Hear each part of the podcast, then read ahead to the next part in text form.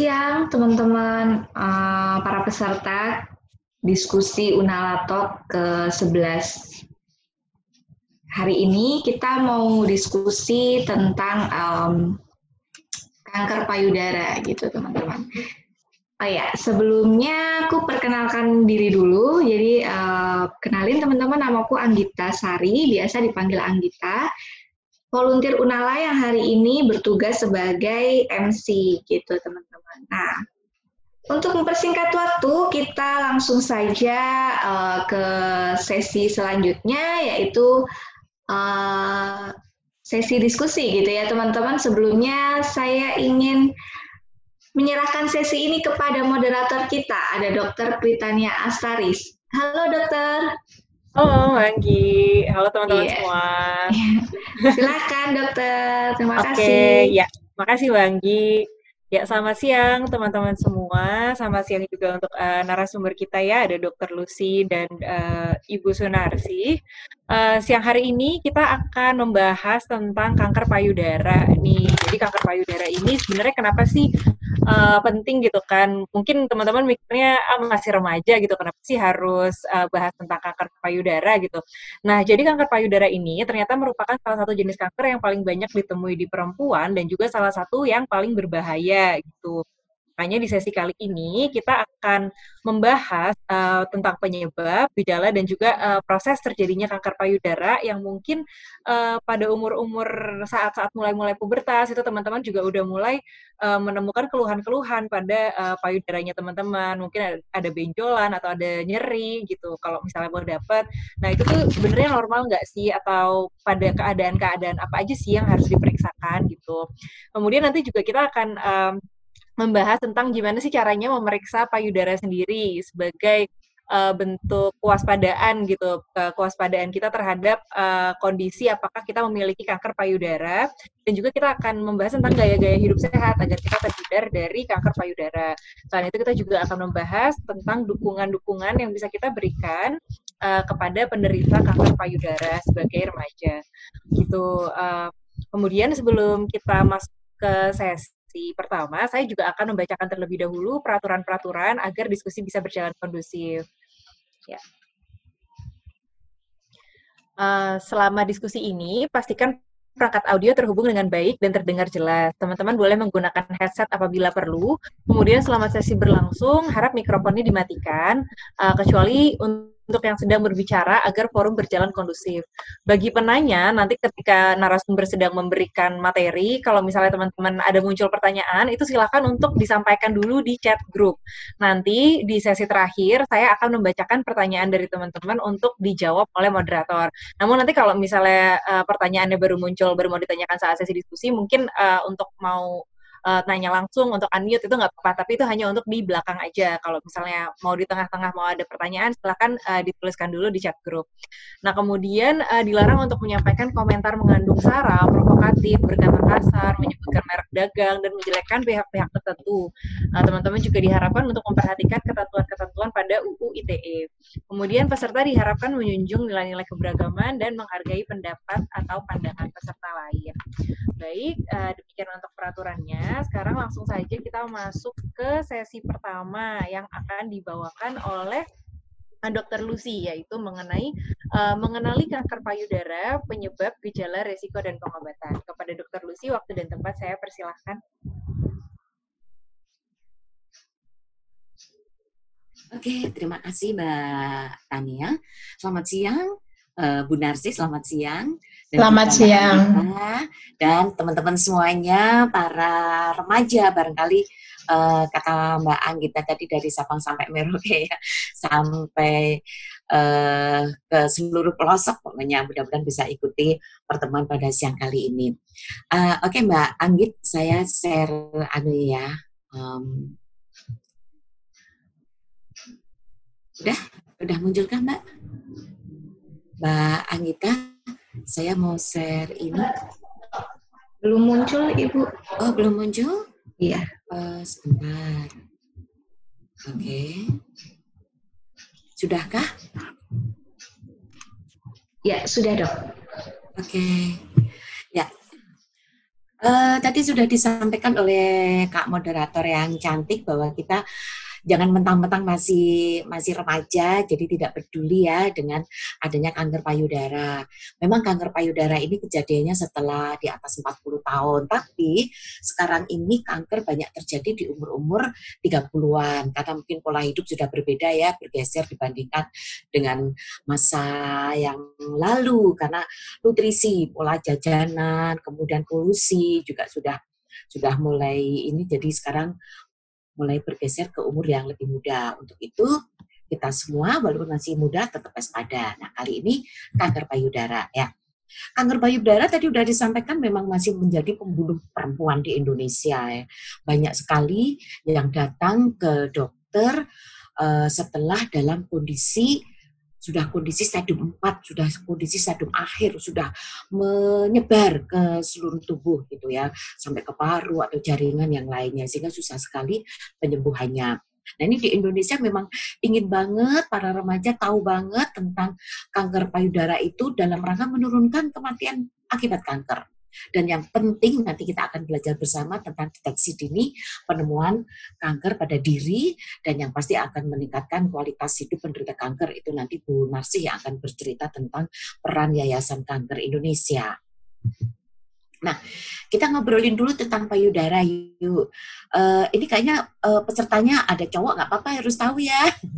Uh, untuk kalian yang para perempuan uh, ingat banget ya pada saat dulu masih SD gitu remaja, uh, mas uh, payudara hanya berupa puting, kemudian berkembang setelah akhir balik berkembang akhirnya terbentuklah payudara ukuran payudara sangat bervariasi dari orang satu ke orang yang lainnya itu adalah lemaknya jadi sebetulnya di dalamnya kelenjar susu, kemudian eh, saluran kelenjar susu, kelenjar getah bening, itu semuanya sebetulnya sama. Hanya lemaknya yang membedakan. Ada juga faktor nutrisi, ada juga faktor keturunan. Jadi ukuran payudara sangat bervariasi. Di samping itu, untuk satu perempuan, itu payudara kanan dan kiri ukurannya sering berbeda. Itu enggak masalah. Memang tidak persis sama. Seperti alis kita ya. Alis kanan sama kiri itu kan seperti saudara. Begitu juga payudara. Payudara kanan dan payudara kiri itu juga saudara. Jadi tidak sama persis. Kadang ukurannya agak berbeda gitu ya. Puting juga demikian. Ada puting yang kecil, ada yang besar, kemudian ada juga puting yang datar. Itu nggak masalah. Nanti pada saatnya memiliki bayi tetap bisa menyusui karena bayi itu tidak menyusu puting namun menyusu payudara. Nah ini payu, uh, sekitar payudara ya. Nah ini tadi udah bahwa jaringan lemak yang membedakan ukuran payudara satu dengan yang lainnya. Kemudian apa sih yang disebut kanker payudara itu? Kita belajar dulu. Tumor. Biasanya kan uh, sering rancu ya. Tumor itu sama dengan benjolan. Nah, tumor itu ada dua macam. Satu tumor jinak, dua tumor ganas. Nah, tumor ganas ini yang disebut kanker. Jadi kalau kanker payudara berarti tumor ganas payudara. Kenapa sih disebut ganas? Karena dia itu merusak jaringan sekitar. Tubuhnya tuh pakai seperti ada akarnya. Jadi bisa tertanam akar di bawah belakang dada, di otot dada. Dan bisa menyebar melalui pembuluh darah maupun pembuluh limfe. Dan akhirnya bisa mengakibatkan kematian. Itu kenapa disebut ganas. Dan eh, perkembangannya cepat dari kecil ke gede itu cepat sampai orangnya bisa uh, kurus gitu ya. Nah kalau Cina itu biasanya um, kecil bisa digerakkan dari dasarnya, kemudian pertambahannya juga pelan, dan kalau dioperasi bisa bersih karena dia tidak ada akarnya, ada kapsulnya, begitu diambil sudah bersih. Hanya saja memang tumor jinak payudara ini bisa disebut FAM, fibroadenoma mame, itu biasanya memang berulang. Lah untuk kalian yang sudah pernah mengalami FAM memang tetap harus hati-hati ya, selalu uh, periksa payudara sendiri ya, nanti akan kita bahas di slide berikutnya. Nah ini ya, kanker payudara berasal dari kelenjar, saluran, dan jaringan penunjangnya. Tidak termasuk kulit. Tapi nanti dari kulit itu bisa ketarik, bisa nampak dari luar sebagai uh, tanda awal pada saat kita melakukan sadari. Nah, siapa sih yang bisa terkena kanker payudara ini? Ada beberapa perempuan yang memiliki risiko terkena kanker payudara. Uh, salah satunya ini ya, haid pertamanya sebelum umur 12. Kenapa? Karena sebelum umur 12 dia sudah haid, artinya hormon estrogennya dia sudah tumbuh. Hormon estrogen itu adalah salah satu hormon wanita ya, estrogen dan progesteron. Estrogen ini memang hormon kewanitaan yang membuat kulit kita bagus, halus, membuat pertumbuhan payudara, membuat tanda-tanda uh, tanda-tanda akil balik pada saat kita tumbuhan remaja. Namun demikian kalau dia terlalu dini atau terlalu akhir berada dan beredar dalam tubuh, itu bisa memicu Gitu. Namun tidak semua, kalau yang haidnya di bawah 12 pasti besok kena kanker bayi, tidak. Semuanya ada penyebab secara simultan, tergantung perilaku hidup, gaya hidup gitu ya. Nah ini haid sebelum 12 dan juga menopausnya di atas 55. Ya, jadi biasanya kalau sudah 55 tahun itu maksimal wanita harusnya sudah menopause supaya ya hormon estrogen itu tidak terlalu lama beredar di dalam tubuh. Kemudian berikutnya adalah wanita yang tidak menikah. Asumsinya kalau wanita tidak menikah itu tidak hamil, tidak menyusui. Nah, itu juga karena hormonal. Juga wanita menikah namun tidak memiliki anak. Satu lagi, wanita yang tidak menyusui. Dia menikah, dia hamil, dia melahirkan, dia punya bayi namun tidak menyusui. Ini memiliki risiko untuk terkena kanker payudara. Semuanya ini karena faktor hormonal. Karena pada saat menyusui, hormon prolaktin itu hormon ASI, air susu ibu, itu akan menekan estrogen. Dan pada saat menyusui, biasanya wanita juga tidak menstruasi. Jadi hormon estrogennya itu diolah, ditata.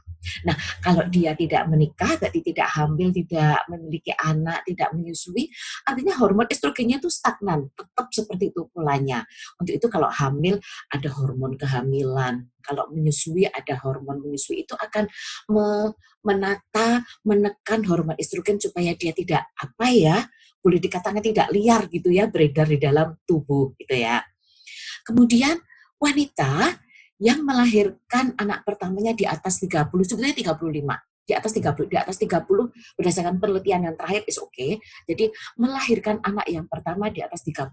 Jadi ini semuanya terka, uh, semuanya serba hormonal ya.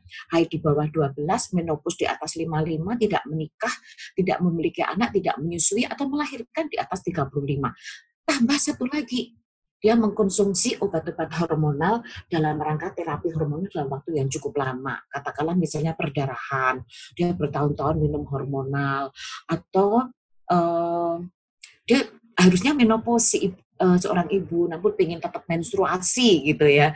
Jadi kadang ada beberapa wanita tuh kalau udah menopause itu merasa nggak nyaman, pokoknya tetap bukan merasa bukan wanita, jadi minum obat sehingga ter, terciptalah sirkulasi estrogen. Nah, ini juga tidak bagus. Kemudian untuk eh, kalian orang wanita yang pernah operasi tumor jinak, nanti juga harus hati-hati karena pernah memiliki tumor jinak di payudara, apalagi yang berulang, itu nanti lebih hati-hati eh, melakukan deteksi dini. Yang penting juga riwayat keluarga. Banyak kejadian riwayat kanker dalam keluarga.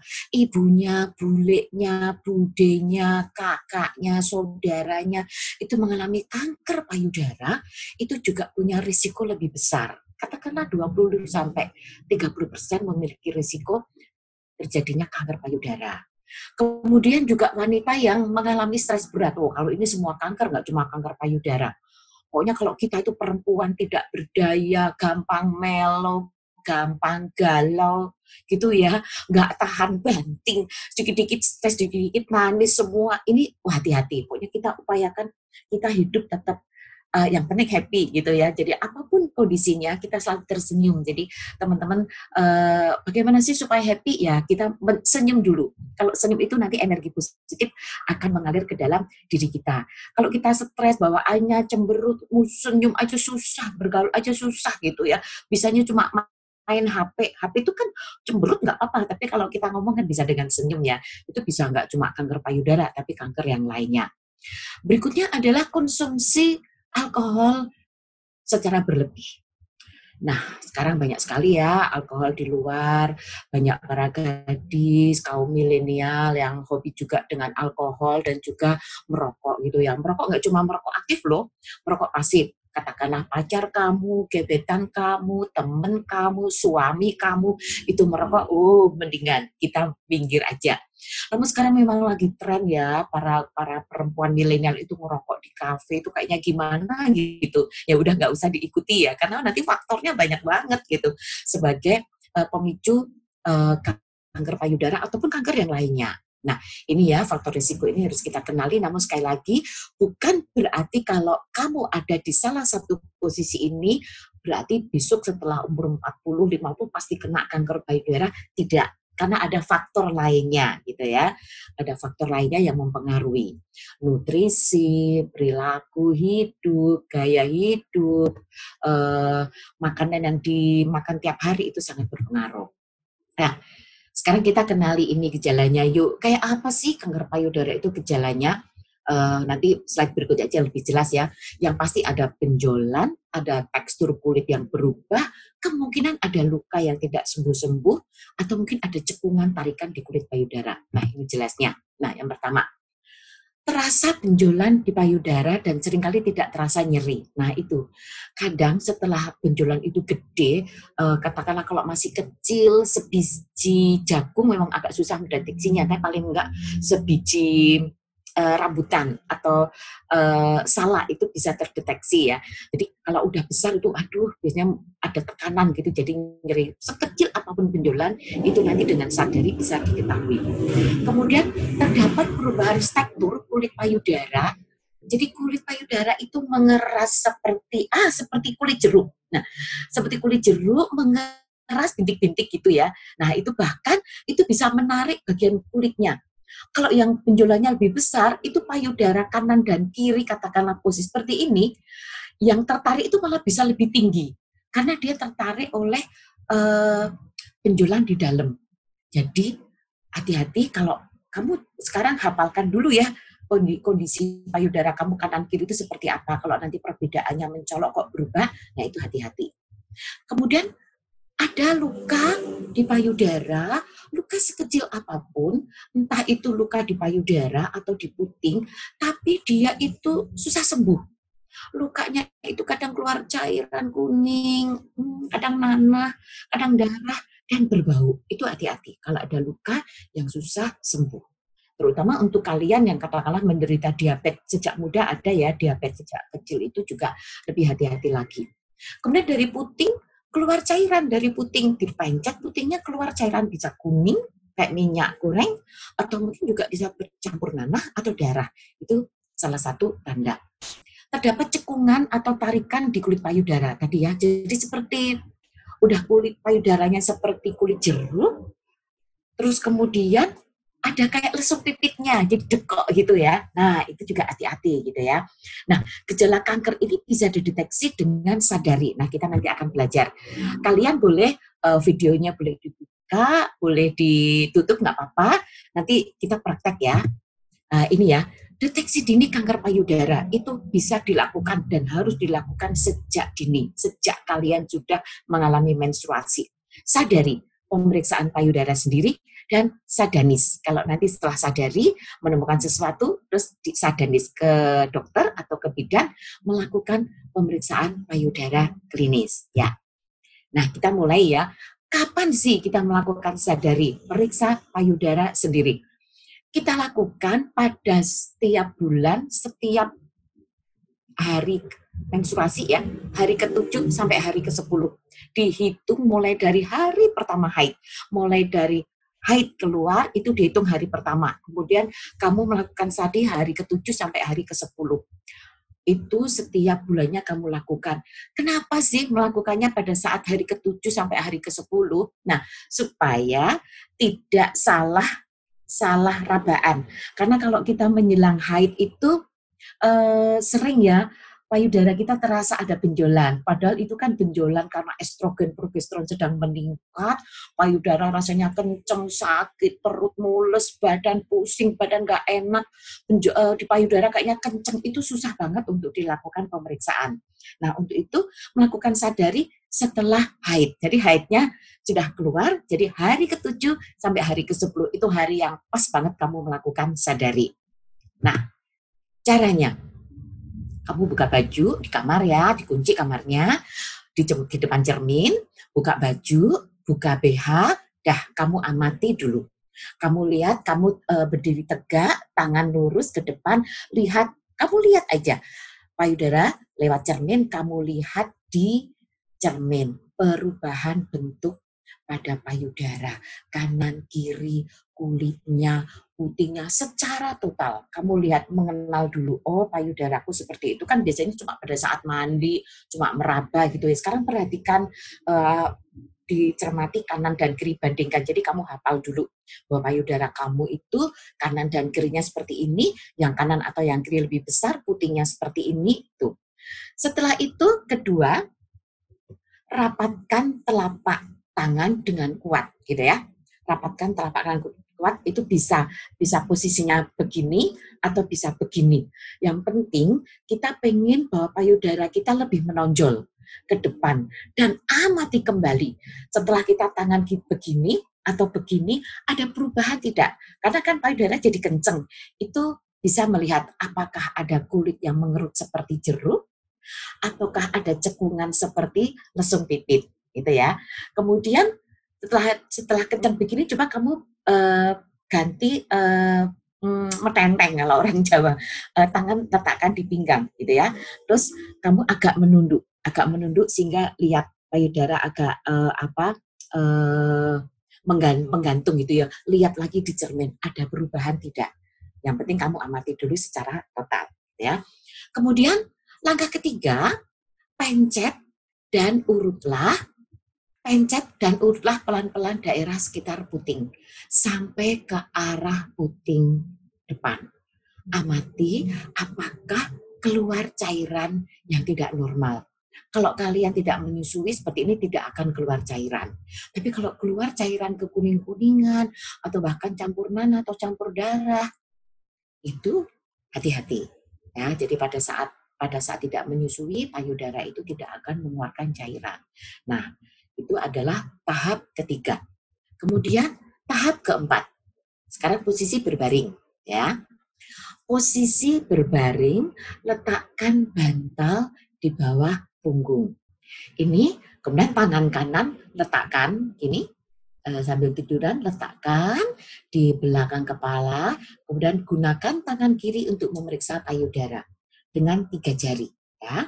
Tiga jari Kemudian kelima, ini posisi yang lima ini masih berbaring tadi ya. Ini hanya menunjukkan memudahkan aja.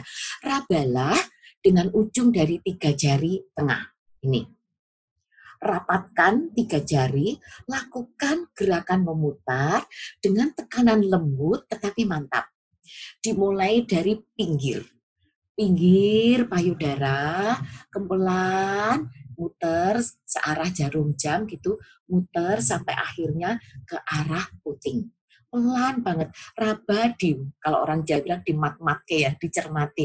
Apakah dari ujung tiga jari ini merasa ada benjolan? Nah, pada saat hari ke-7 sampai hari ke-10 menstruasi itu kan udah lunak, payudara enak banget. Jadi kalau ada benjolan mudah ditemukan. Kemudian eh, langkah keenam, lakukan hal yang sama tapi dibalik. Sekarang tidur miring ke kiri, kemudian tangan kiri letakkan di bawah kepala, kemudian dengan tangan yang kanan gantian memeriksa payudara sebelah ya. Itu lakukan dengan tangan kiri di bawah kepala sedangkan sama persis dengan eh, tahap 5 namun payudara yang sebelah kiri. Nah, sampai di sini bisa ya kira-kira melakukannya ya. Nah, ini kemudian tahap ketujuh. Nah, tahap ketujuh, berilah perhatian khusus pada bagian-bagian yang diberi tanda merah. Tanda merah ini adalah uh, ini payudara tepi atas. Kenapa? Karena berdasarkan kasus selama ini paling banyak kanker payudara itu ada di daerah itu. Jadi katakanlah payudara ini dibelah empat, ini tepi ya, yang dekat dengan ketiak atas di sini. Itu perhatian khusus pada saat memeriksa daerah sini, lakukan khusus secara cermat banget adakah benjolan di situ. Kemudian area kedua, adalah sebelahnya, tapi paling banyak yang merah ini. Kamu bisa uh, melakukan lebih cermat dan lebih hati-hati, bisa diulang-ulang. Kalau salah langkah, eh bisa diulang-ulang. Atau eh ada yang ngetok pintu, eh nanti diulang lagi gitu ya. Nah, sadari ini lakukan setiap hari, sekali lagi hari ke-7 sampai 10 dihitung dari hari pertama. Uh, untuk yang sudah menopause, wanita sudah menopause, bisa dilakukan uh, setiap bulan pada tanggal yang sama. Nah, untuk kamu yang haidnya tidak teratur, gak masalah. Pokoknya tetap hari ke-7 sama hari ke-10. Di mana kondisi jaringan payudara itu sudah kendor, tidak terpengaruh oleh hormon menjelang menstruasi. Sekali lagi seperti ini ya. Tadi ya, uh, dicermin, tadinya lurus, kemudian diangkat, lihat payudaramu dicermati, kemudian uh, rekatkan lebih lebih tegang gini supaya payudara lebih menonjol, kemudian uh, tangan di pinggang agak membungkuk, kemudian langkah tiga pencet puting, uh, kemudian tiduran sebelah kanan, kemudian sebaliknya sebelah kiri. Nah, oh sebentar. Kemudian yang ini adalah kuadran tadi ya, di paling membutuhkan pencermatan adalah kuadran uh, yang ada di luar, kemudian ada di dalam. Jadi paling banyak itu terkena adalah payudara kiri luar, kemudian kanan luar, kemudian kiri dalam. Yang berikutnya uh, kanan dalam dan diikuti uh, regio yang lainnya. Nah, ini tadi sama ya cara-cara melakukannya ya. Kemudian apabila pada saat kamu melakukan sadari, eh kok ketemu benjolan ya, langsunglah kamu bisa menemui dokter atau bidan atau dokter spesialis kandungan silahkan untuk melakukan dilakukan pemeriksaan lebih lanjut yaitu dengan sadanis pemeriksaan payudara klinis yaitu yang dilakukan oleh tenaga kesehatan. Nah, di mana sih kalau pengen melakukan sadanis karena kamu curiga kok ada penjualan silakan bisa datang ke puskesmas atau fasilitas pelayanan kesehatan atau klinik di mana petugas kesennya terlatih. Kalau di puskesmas di sana ada dokter, bidan, perawat yang semuanya sudah dilatih. Jadi kamu bisa ke puskesmas. Bidan juga bisa melakukan bidan praktek mandiri, rumah sakit atau rumah bersalin. Kamu bisa melakukan sadanis kalau kamu curiga ada benjolan pada saat kamu melakukan sadari. Nah, di sana pada oleh tenaga medis akan dilakukan pemeriksaan seperti ini. Juga sama, kita diminta buka telanjang dada, diminta apa meletakkan tangan di bawah kepala akan diperlihat akan dilihat adakah perubahan-perubahan atau kelainan-kelainan yang bisa dilihat oleh tenaga klinis yang sudah berpengalaman ya sudah sering melihat kasus-kasus seperti ini jadi mereka akan tahu kalau itu ada penjualan ke arah keganasan atau tidak juga sama juga dilakukan uh, pemencetan putih, kemudian pemutaran seperti ini ya. Jadi inspeksi itu dilihat, palpasi itu diraba, Uh, kemudian juga dilakukan pemeriksaan kelenjar getah bening yang ada di ketiak. Karena biasanya kalau penjualan itu walaupun kecil tapi sudah stadium 4 itu sudah bisa merembet ke kelenjar getah bening yang berada di ketiak. Itu dia tenaga medis akan menemukan adanya penjualan yang ada di ketiak. Nah, kalau ternyata kok wah ini kok curiga ke arah sana, itu biasanya akan dirujuk juga ke dokter uh, juga dokter spesialis juga akan dilakukan USG untuk memastikan bisa dengan USG atau juga bisa dengan mamografi. Beberapa beberapa perusahaan itu ada yang melakukan deteksi dini bagi karyawan perempuannya dengan mamografi setahun sekali. Wah itu memang agak sakit ya, karena payudara kita tuh diletakkan di meja di sini kemudian ditekan gitu. Jadi memang rasanya nggak nggak nyaman kalau mamografi. Kalau USG sih enggak gitu ya. Jadi itu uh, ada ada screening, cuman biayanya sangat mahal. Untuk itu kita bersyukur banget ada cara yang sangat murah, gratis, mudah bisa dilakukan kita sendiri di rumah yaitu sadari periksa payudara sendiri gitu ya. Nah ini tadi ya USG biasanya memang dianjurkan bagi perempuan yang uh, kurang dari 35 namun ada benjolan kalau mamografi yang lebih dari 35. Nah yang penting sekarang ini pencegahan penyakit kanker payudara, terutama buat kamu yang yang ada risikonya. Misalnya, aduh dulu aku menstruasinya umur 10 tahun, aku menstruasinya umur 8 tahun, atau buleku itu meninggal karena kanker payudara, atau ibuku juga punya kanker payudara atau bude ya. Itu lebih hati-hati harus melakukan cerdik ini. Yang pertama, cek kesehatan secara rutin. Termasuk sadari tadi, lakukan sadari rutin, kemudian juga cek kesehatan uh, apa uh, tekanan darah gitu ya. Kalau tekanan darah bisa sebulan sekali, untuk kamu remaja boleh tiga bulan sekali, tapi se, uh, paling tidak satu tahun sekali kamu cek darah ya. Katakanlah HB kamu, terus laborat yang lain yang menunjang boleh lakukan itu. Kemudian enyahkan asap rokok. Nah ini harus kita lakukan perempuan. Boleh dong kita pilih cowok yang nggak ngerokok ya supaya supaya kita juga sehat dan juga besok bayi kita juga sehat gitu ya karena memang laki-laki kalau udah ngerokok susah banget berhentinya ya karena memang uh, itu sudah nyandu itu ya jadi kalau kalau terpaksa suami kamu misalnya udah tanjur ngerokok ya uh, harus memerlukan motivasi khusus gitu ya. Rokoknya paling tidak tidak di dalam rumah, tapi di luar rumah gitu ya. Jadi tidak asapnya tidak ada di dalam rumah karena banyak kasus bahwa suami merokok karena dia daya tahannya bagus, dia tetap hidup sehat, eh tapi istrinya dia malah terkena kanker paru. Oh, itu banyak kasus seperti itu.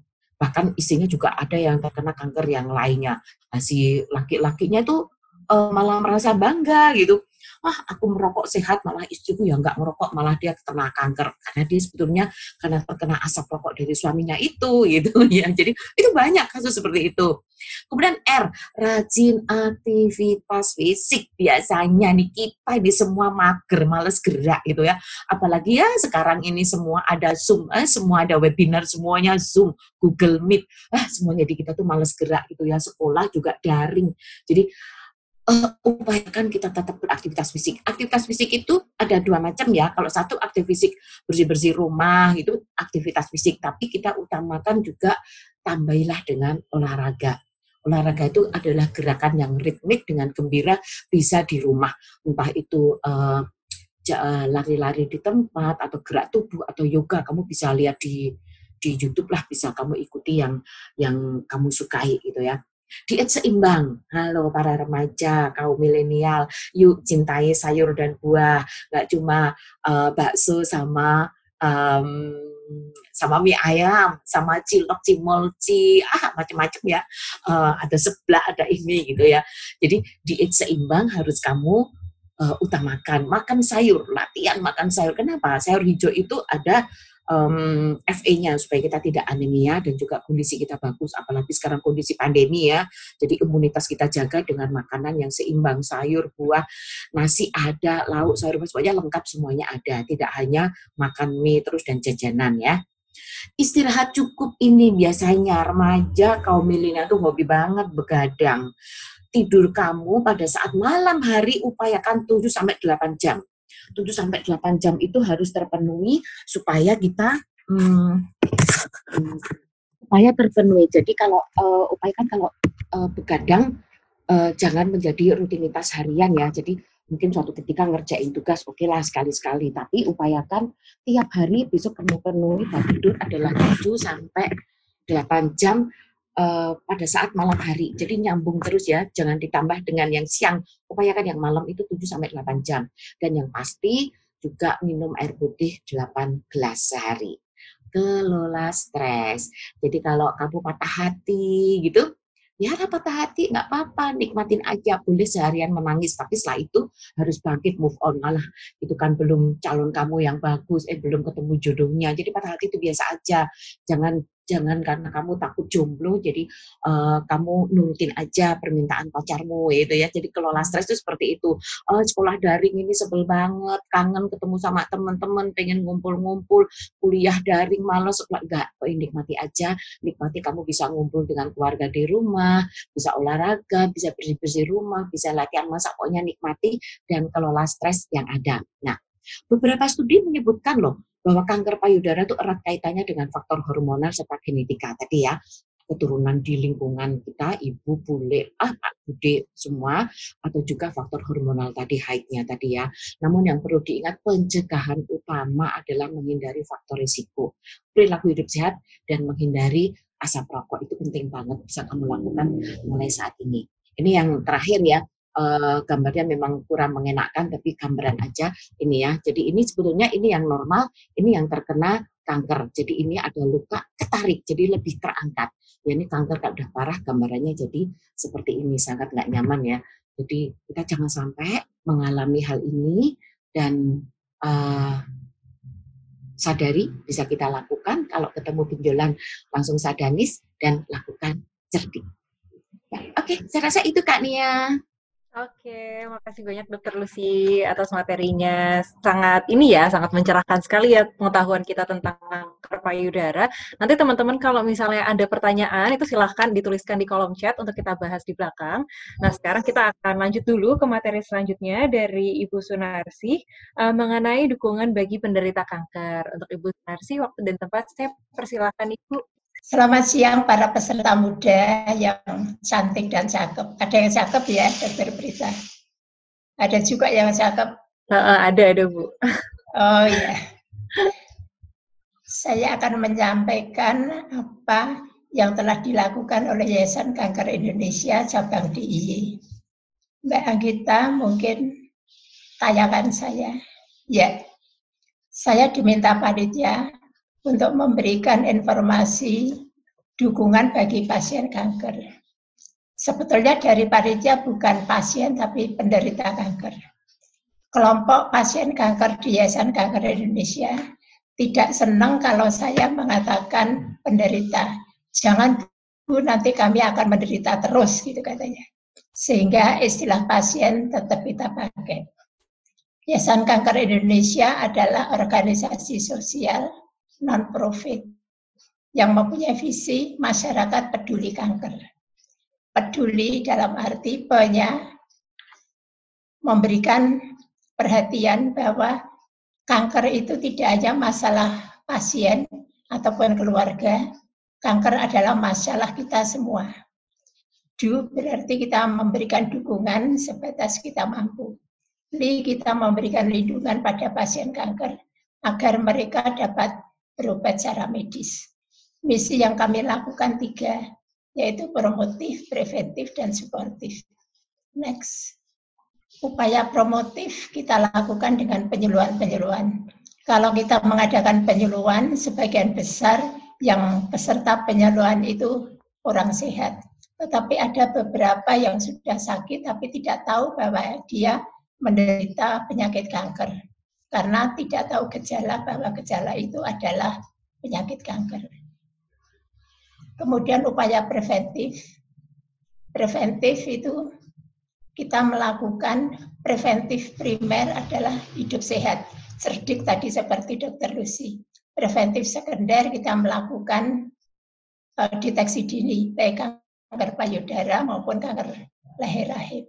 Kemudian preventif tersier, kalau kita sudah merasa sakit, sudah terdiagnosa, kita segera melakukan pengobatan medis. Kemudian upaya sportif itu kita lakukan untuk melindungi atau membantu pasien kanker sesuai kebutuhan. Nah, ini upaya sportif kami mempunyai paguyuban relawan yang mendampingi pasien. Kemudian ada paguyuban pasien dan mantan pasien ada paguyuban ostomi, dan kami menyediakan rumah singgah pasien kanker dari luar kota yang berobat ke rumah sakit dengan biaya murah. Untuk yang miskin kita berikan bantuan. Terus Mbak Anggita, ya, YKI tidak sendiri, banyak mitra kita dalam rangka uh, melakukan penanggulangan kanker. Yang pertama Universitas Fakultas Kedokteran, rumah sakit. Yang kedua dinas-dinas terkait, yaitu dinas sosial, dinas kesehatan. Kemudian PKK dalam rangka pemberdayaan masyarakat. Kemudian media massa dan masyarakat. Banyak kelompok masyarakat atau pribadi yang mendukung kegiatan YKI. Terus, nah ini contoh Rima Melati kita undang dalam malam dana dengan Dewi Motik untuk membuat suatu kantor YKI yang saat itu belum punya kantor. Kemudian Prof. Adi Utarini dan Prof. Laksono membuat suatu konsep amal, semua pemasukan tiket itu diberikan pada YKI dan saat itu menghasilkan uang 322 juta luar biasa. Juga dari bank dan kelompok lain banyak membantu YKI. Selama kami melakukan kegiatan itu, beberapa masalah muncul. Yang pertama tentang deteksi dini yang belum diminati semua perempuan.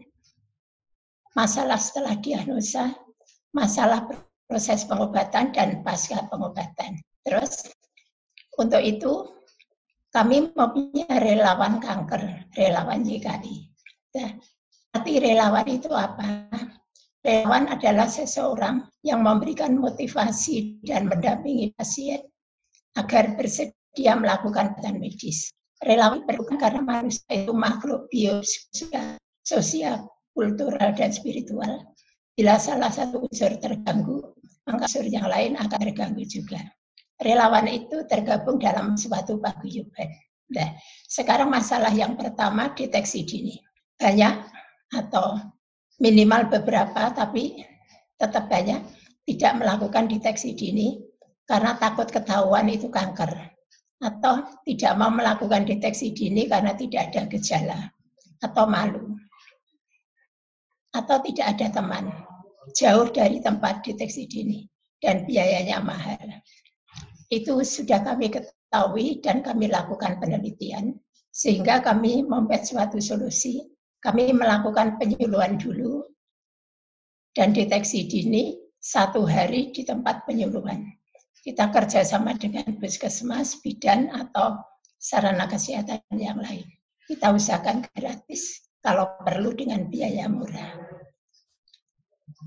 Nah, apabila positif, segera dirujuk ke pelayanan kesehatan.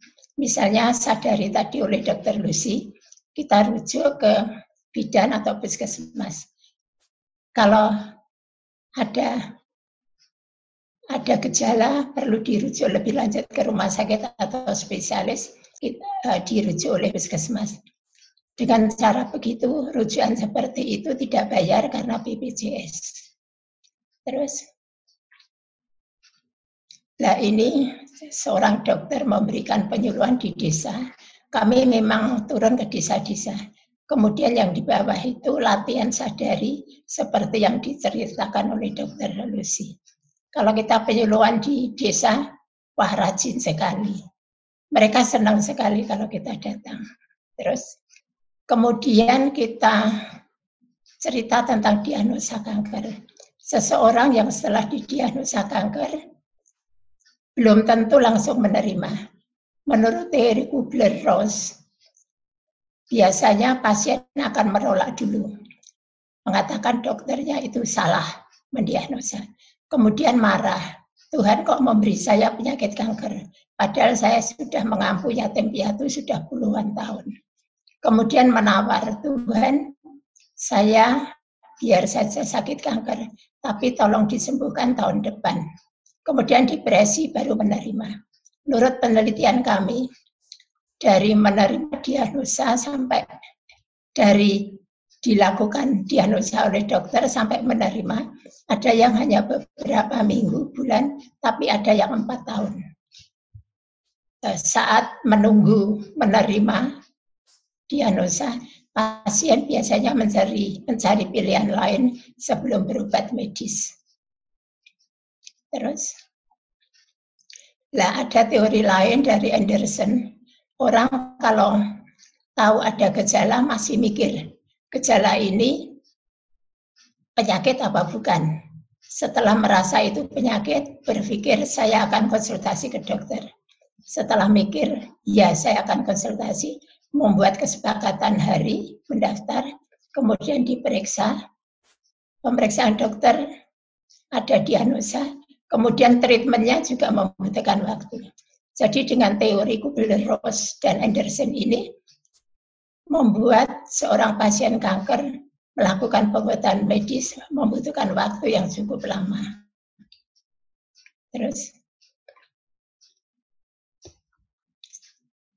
nah setelah diagnosa, beberapa pasien menolak pengobatan medis. Karena apa? Ada mitos kanker pasti mati. Kanker menjalar ke seluruh tubuh bila terkena jarum atau pisau. Atau ada yang takut operasi. Ada yang keluarga tidak mengizinkan payudaranya dioperasi. Nah, yang paling banyak adalah tawaran alternatif. Ini tidak hanya dilakukan oleh pasien desa, pasien tidak berpendidikan. Hal seperti itu, mitos dan tawaran alternatif dilakukan juga oleh uh, orang yang educated sampai S3, seorang pejabat juga ada yang itu. Jadi hampir semua kalangan bisa menolak medis dengan alasan tersebut. Solusi yang kita lakukan adalah pendampingan relawan bersama penyintas kanker. Eh, relawan mendampingi dua, satu tim itu dua atau tiga orang. Kalau diperlukan kita mengikut sertakan psikolog, kalau diperlukan kita mengikutkan dokter, dan kalau diperlukan kita membawa seorang penyintas kanker yang sejenis. Misalnya kanker payudara, ya kita membawa penyintas kanker payudara. Terus,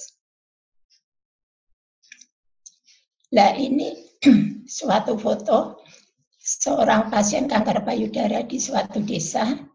Ini uh, tim kami, tim relawan visit, dan memberikan motivasi agar mau berobat medis. Ini kita ke desa-desa. Terkadang kota, jadi yang tidak mau berobat medis tidak hanya orang desa. Kemudian pada proses pengobatan. Proses pengobatan terkadang tidak mulus. Banyak kendala. Tidak ada yang mengantar.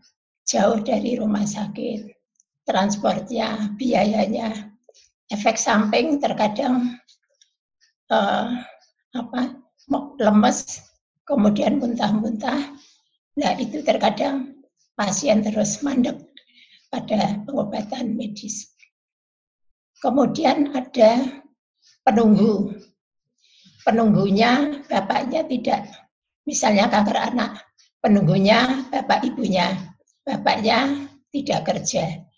Akhirnya sampai dua minggu mereka berdua tidak bisa makan. Kalau anaknya makannya di rumah sakit.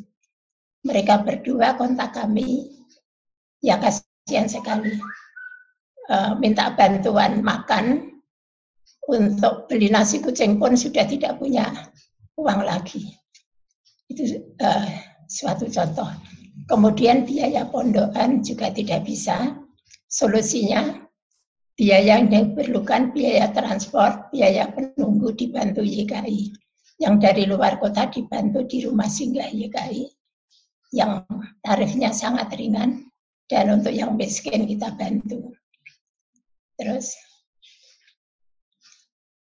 Nah ini contoh ketua kami, Gusti Kanjeng Ratu Mas, menengok seorang pasien kanker payudara yang sudah gundul, lemes, untuk memberikan motivasi agar pasien tersebut terus saja berobat.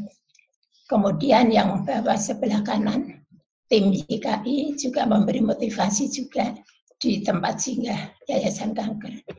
Sebelah kiri, seorang pasien kanker otak. Tim relawan biasanya datang menghibur, tetapi ini pasiennya yang menghibur. Kalau ditengok relawan senang sekali, pasien ini malah bernyanyi.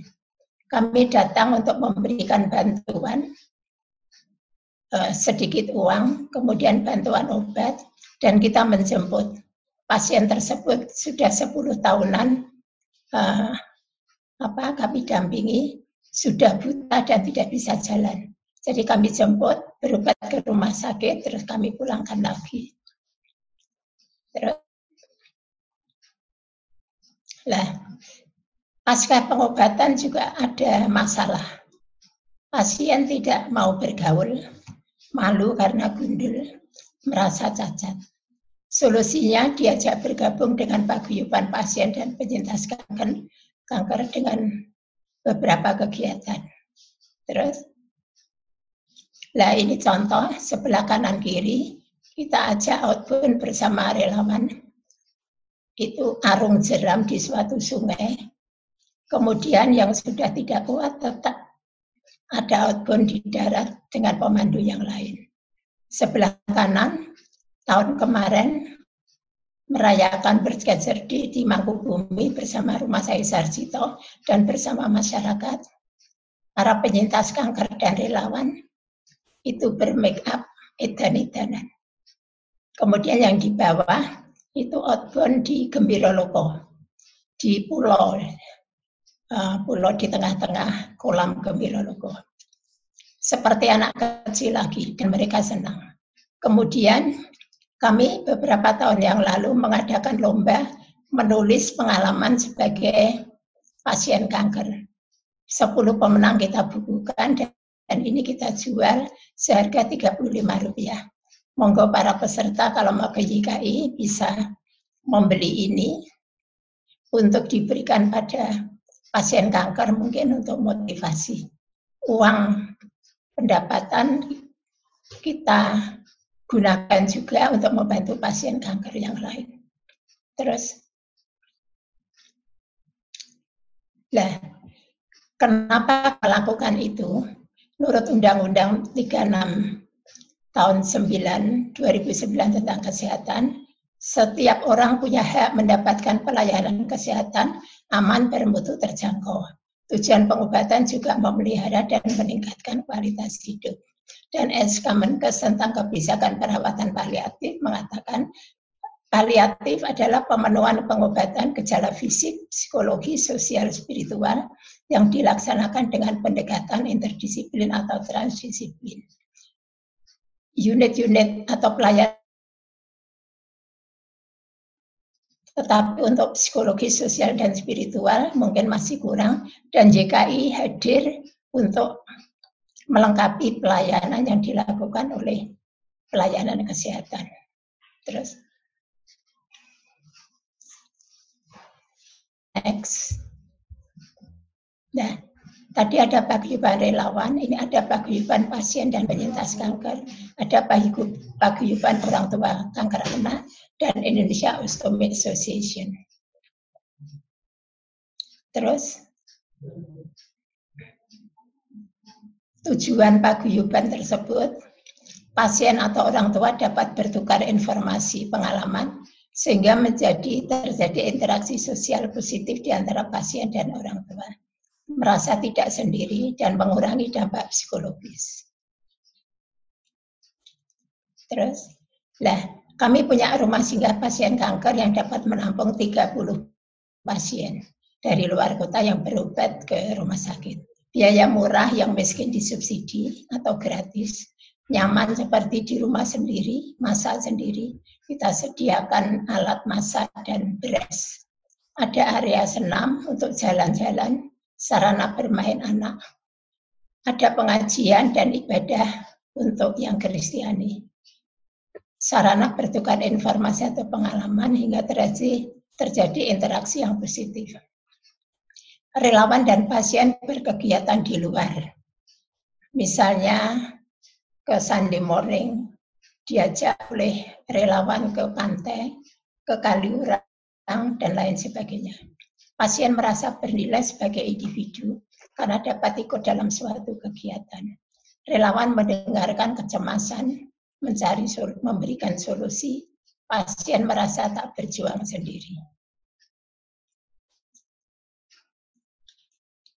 Terus Mbak Anggi, nah ini contoh, ini foto dari tempat singgah kami. Ada tempat bermain ini anak-anak diberikan mainan kita banyak mempunyai mainan dan boneka. Kemudian itu ada misa itu oleh Romo Uskup sendiri. Kemudian yang kanan itu pengajian yang dipandu oleh Dr. Proboseno.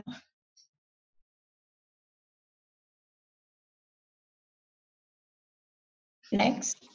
Uh, Bu Senarsi, maaf uh, sekaligus mengingatkan waktunya 5 menit lagi ya, Bu? Iya ini terakhir ah, untuk rumah singgah. Ya. Rumah singgah dan pelayanannya mengurangi dampak ekonomi, sosial, psikologi, dan spiritual pada pasien. Diharapkan berpengaruh pada individu pasien, seluruh aspek emosi, sosial, fisik dalam kehidupannya, sehingga dapat meningkatkan kualitas hidupnya. terakhir Mbak Anggi matur nuwun terima kasih mudah-mudahan ada manfaatnya. Oke, baik. Terima kasih banyak Ibu Sunarsi atas sharing pengalamannya selama ini di YKI ya. Ternyata dari setiap tahapan penyakit kanker mulai dari deteksi dini, diagnosis, eh, pengobatan, kemudian pasca pengobatan itu ada masalah-masalahnya sendiri ya yang harus iya. dihadapi yeah. oleh penyintas kanker. Baik. Baik, siap. Kalau gitu sekarang saya langsung lanjut ke sesi tanya jawab dulu. Um, yang pertama dari dari Wulida Andria. Halo Dokter Lucy, saya mau bertanya kalau bule ipar termasuk nggak dok? Mungkin maksudnya uh, apakah kalau misalnya bule iparnya mengalami kanker atau kanker payudara itu apakah termasuk uh, salah satu faktor resiko dokter? Uh, soalnya anaknya buleku juga kena kanker payudara, jinak sekarang sudah diangkat. Itu termasuk dapat menularkan melalui genetik nggak ya? Gitu dok. Oke, yang dimaksud keluarga sebetulnya keluarga yang ada hubungan darah gitu ya. Kalau ipar berarti kan itu bule dari suami ya. Uh, jadi uh, yang yang pasti saudara yang ada hubungan darah sama kita. Mbah kita malah masuk. Mbah mbah langsung atau adiknya mbah atau mbak Yunya mbah atau bude atau bule. Jadi yang ada hubungan darah sama kita itu yang faktor genetik urut dari pohon keluarga. Tapi kalau ipar tidak. Jadi yang ada hubungan darah sama kita itu yang memberikan uh, apa ya? Ada memberikan risiko kita juga akan terkena kanker payudara. Mungkin gitu Mbak Nia. Oke, terima kasih dokter. Uh, semoga terjawab ya Mbak Uli dan Ria. Nanti kalau uh, belum terjawab boleh dilanjut lagi pertanyaannya. Nah kemudian dari Mbak Pipit, tadi disebutkan bahwa salah satu penyebab kanker adalah usia menopause di atas 50 tahun. Pertanyaan saya terkait dengan adanya hormon estrogen, apakah ada dampak negatif dari adanya hormon estrogen yang terlalu lama berada di dalam tubuh dok? Yang lain selain kanker payudara. Jadi memang secara secara alami wanita itu akan mengalami menopause, yaitu maksimalnya memang 55. Ada beberapa wanita uh, yang menopausnya itu bahkan sampai umur lim, sampai umur 58 bahkan menjelang 60 itu masih ada yang menstruasi. Nah, itu yang menjadi harus hati-hati, lebih rajin untuk sadari. Kok ini hormon estrogennya kok tinggi banget? Karena apa?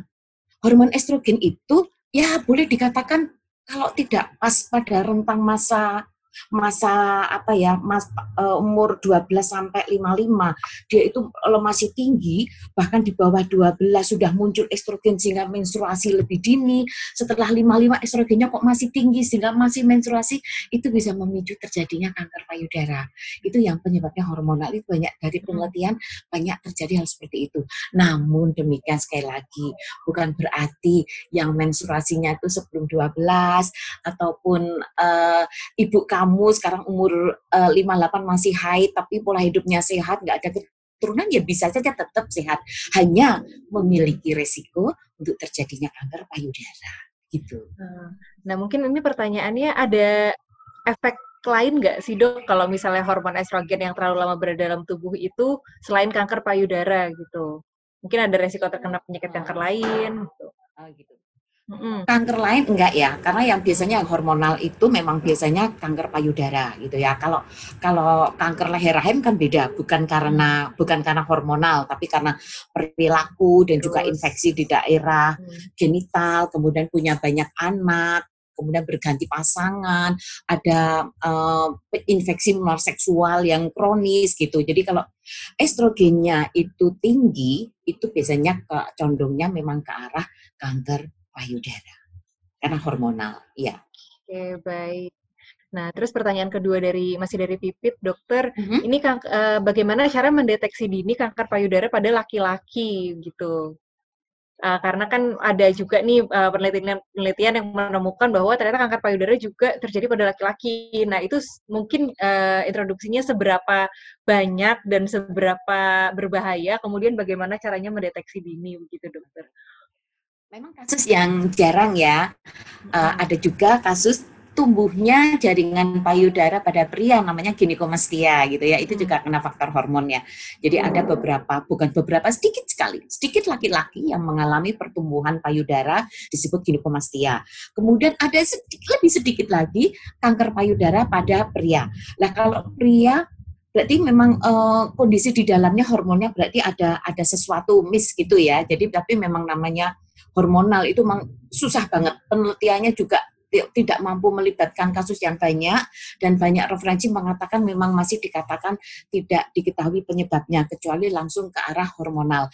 Bagaimana seorang laki-laki ingin melakukan pemeriksaan bisa aja mengikuti sadari gitu ya apalagi mungkin uh, yang pola hidupnya nggak bagus atau mungkin merasa gemuk atau payudaranya kok berisi gitu ya kan tidak per, penting satu bulan sekali pada tanggal yang sama. Tidak perlu uh, kalau wanita kan ini ya hari ke-7 sampai hari ke-10 di mana payudaranya lem, apa lunak lembab gitu ya. Jadi kok lembab lunak jadi enak gitu. Tapi kalau pria kan nggak ada menstruasi jadi bisa kapan saja. Oh mau iseng-iseng ah aku mau sadari boleh silakan. Oke, baik. Terima kasih Dokter Lucy. Nah, terus saya jadi penasaran juga ingin bertanya kepada Ibu Sunar sih nih, Ibu kalau di YKI pernah nggak sih Bu menemukan uh, pasien kanker payudara laki-laki gitu Bu? Ada. Oh ada? Selama, uh. Iya, selama ini 30 tahun baru menemukan satu orang hmm. pasien. Hmm, laki -laki. Itu gimana Bu ceritanya Bu?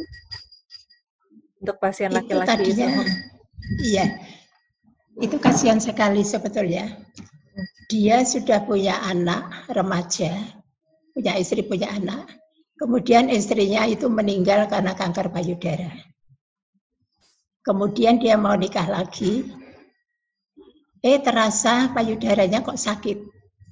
Ada benjolan setelah periksa kanker payudara. Sehingga akhirnya sampai sekarang nggak mau menikah, kasihan sekali. Sekarang berobat terus, mudah-mudahan bisa lebih baik. Baru sekali itu. Ya. Amin, amin. Semoga uh, membaik keadaannya. Ternyata ditemukan juga Ada, ya di iya. KI uh, pasien iya. laki-laki. Baik, oke. Sekarang kita ke pertanyaan selanjutnya dari Fanny Pondengge untuk Dokter Lucy. Ingin bertanya, dikatakan salah satu faktor resiko kanker yaitu haid di bawah umur 12 tahun. Apakah itu memang sangat beresiko, dokter? Kenapa banyak anak perempuan di Indonesia yang sudah menstruasi di bawah 12 tahun? Terima kasih banyak kejadian ini berdasarkan penelitian memang ya bahwa uh, yang mengalami kanker kanker payudara itu dulu haidnya di bawah 12. Ini hanya hanya penelitian. Sekarang kita sudah bergeser. Banyak sekali remaja yang haidnya lebih dini karena itu kan memang faktor faktor nutrisi ya, faktor faktor nutrisi, faktor perkembangan psikologi, anak-anak SD sekarang uh, sudah PDKT, sudah pacaran gitu ya. Mungkin zaman saya sama Bu Nasi SD mungkin dulu waktu masih culut kita ya Bu. Yeah. Kalau sekarang kan sudah beda. Jadi perkembangan fisik, psikososial memang sangat mempengaruhi. Namun demikian kembali lagi bahwa hormonal itu tidak bisa ditipu Tuhan itu sudah menciptakan siklusnya. Jadi siklus itu memang 12 sampai 55 itu rentang estrogen berjaya. Tapi kalau sebelum itu hanya hati-hati saja. Bukan berarti untuk adik kalian atau kalian sendiri yang dulu haidnya sebelum umur 12 pasti besok kanker payudara tidak. Ada faktor lain yang mempengaruhi perilaku, gaya hidup dan juga nutrisi selama dia nanti uh, selama hidup dewasa gitu ya. Jadi tidak selalu. Ya, nah ini dengan kaitannya dengan nutrisi ini dok, kebetulan dua pertanyaan setelahnya juga sangat berhubungan dengan nutrisi. Hmm. Jadi apakah makanan dengan pengawet atau micin itu juga jadi pemicu kanker dok? Kemudian makanan hmm. apa aja sih yang bisa kita hindari untuk menghindari kanker payudara? Gitu? Oke. Okay. Sebetulnya MSG monosodium glutamat atau micin dalam batas sebatas sedikit itu sebetulnya boleh dikonsumsi gitu ya itu berdasarkan dari Kemenkes itu masih mengatakan boleh. Kalau di luar negeri memang sama sekali tidak boleh. Tapi nggak tahu nih Kemenkes kok masih menyatakan boleh dikonsumsi dalam takaran sekian. Tapi kalau kita lebih, apalagi kita punya riwayat keluarga itu memang lebih baik tidak pakai. Tapi namanya orang tuh kalau masa nggak pakai micin, kayaknya nggak sedep gitu ya. Jadi memang memang budaya kita tuh seperti itu gitu. Tapi memang lebih baik. Saya sudah sejak remaja sudah melakukan sejak saya sebelum menikah sudah biasa kalau masak sendiri coba saya tidak akan pakai micin. Penggantinya apa supaya tetap gurih? Ternyata mudah kok. Apa coba? Gula pasir. Jadi kalau kita masak, beri aja gula pasir, itu malah relatif aman kan dari tubuh. Bukan monosodium glutamat, jadi boleh. Tapi dalam cuman beberapa orang itu memang biasanya nggak marem kalau nggak pakai micin. Kalau micin itu semua kanker, nggak cuma kanker payudara. Terus kemudian gizi, ya kita itu sebetulnya paling paling bagus itu memasak sendiri. Sayuran itu ada di mana-mana. Sekarang kita pandemi, kita tuh sayuran oh, coba deh kamu bisa browsing di internet bagaimana sih kita menanam uh, aneka macam sayuran cuma diletakkan di pot kecil gitu ya. Jadi itu sebetulnya bisa. Karena memang sayuran sekarang jatuhnya jadi mahal ya.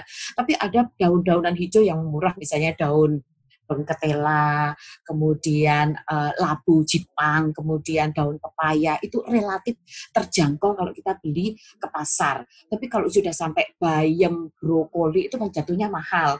Jadi kita bisa sembarang sayuran hijau yang ada di kebun kita atau kita peroleh di pasar itu bagus banget untuk dikonsumsi. Apa saja? Nasi oke, okay. nasi itu ada seratnya Ya, jadi sebetulnya bagus. Tidak melulu kita harus makan mie gitu karena mie sebetulnya malah seratnya nggak bagus karena karena gak, eh, seratnya sudah ya karena dia namanya tepung ya beda ya. Kalau kita dia memang lebih baik memang beras beras merah lebih lebih bagus banget gitu. Buah buah jangan buah yang mahal. Kita itu punya buah eksotik kalau di kapal pesiar mesti pesan seminggu sebelumnya karena harus diimpor di Thailand. Buah apa juga? Oh, iya. Di tempat Indonesia di sini iya itu untuk makan burung. Buah pepaya. Buah pepaya tuh buah yang murah banget. Itu dikonsumsi bagus banget gitu ya. Buah sama pisang udah usah pisang Ambon, pisang yang lainnya aja itu aja itu bisa dikonsumsi. Ada buah ketimun, ada buah bengkoang. Sebetulnya kita merasa nggak enak ya. Lah buah kok nggak seperti anggur, seperti apel, tapi itu sebetulnya buah-buah tradisional yang ada di sekitar kita itu buah kesemek. Itu juga murah itu di pasar. Boleh kita konsumsi. Tapi biasanya ah, anak muda kalau lihat tampilannya nggak menarik nggak dimakan gitu ya. Jadi buah kesemek itu Mbak Tania tahu kan? Tahu. Oh, gitu kan ya. Iya. Itu remaja paling lihat aja nggak tertarik. Tapi coba deh rasakan. Padahal enak ya dok ya. Enak tuh. ya artinya oh, kalau kita tuh mau mengkonsumsi nutrisi yang ada di sekitar kita, sebetulnya banyak makanan yang bisa dikonsumsi dan nggak mahal. Jangan membayangkan yang mahal-mahal ya gitu. Jadi ada sayuran uh, di sekitar kita yang terjangkau banget. Gitu. Ya. Kalau yang nggak boleh dikonsumsi dok, yang harus dihindari nih apa aja ya? Ah, yang dihindari makanan yang mahal. ya karena kalau makanan mahal nanti kita bikin stres karena kita iya, jadi nggak bisa nabung gitu ya iya. ikan ikan itu ada ya lele itu oke okay banget ya hmm. jadi ikan terus ikan ikan di kali gitu ya apa kita itu kurang makan ikan jadi kita tuh nggak usah membayangkan salmon jangan hmm. membayangkan wagyu jangan membayangkan uh, sirloin tenderloin oh, ya jadi kita iya, iya makanan yang ada di sekeliling kita ikan uh, itu lebih lebih bagus. Jadi tahu tempe itu keren banget.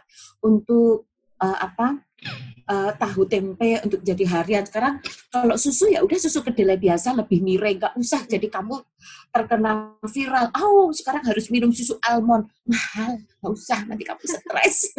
Terus malah bikin kanker payudara juga ya, Dok. Karena terlalu banyak teteh bisa bisa iya. muncul kanker yang lainnya gitu. Jadi sebetulnya makan yang ada di sekitar kita. Kacang hijau itu kan murah ya. Kacang hijau bagus, buah yang ada di sekitar kita. Tanamlah pepaya. Pepaya itu ditabur di belakang rumah atau di pot besar itu dia juga bisa tumbuh. Ayo konsumsi buah-buahan yang ada di sekitar kita dan buah eksotik gitu ya. Uh, buah apa saja. Nanas itu bagus ya, nanas itu bagus vitaminnya tinggi. Jeruk sekarang lagi musim jeruk. Pokoknya buah yang sedang musim itu konsumsilah gitu ya. Buah-buah apa aja yang ada di kamu jalan-jalan ke misalnya pakai eh, jangan lupa pakai masker ya. Kalau misalnya sepilas gitu ke pasar atau titip uh, Mbak belanjan gitu bisa buah apa saja itu bagus kita konsumsi dalam rangka memenuhi nutrisi seimbang.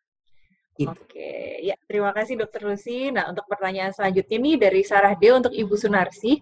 Ibu menurut data yang ada di YKI, usia termuda pengidap kanker payudara ada di usia berapa Bu?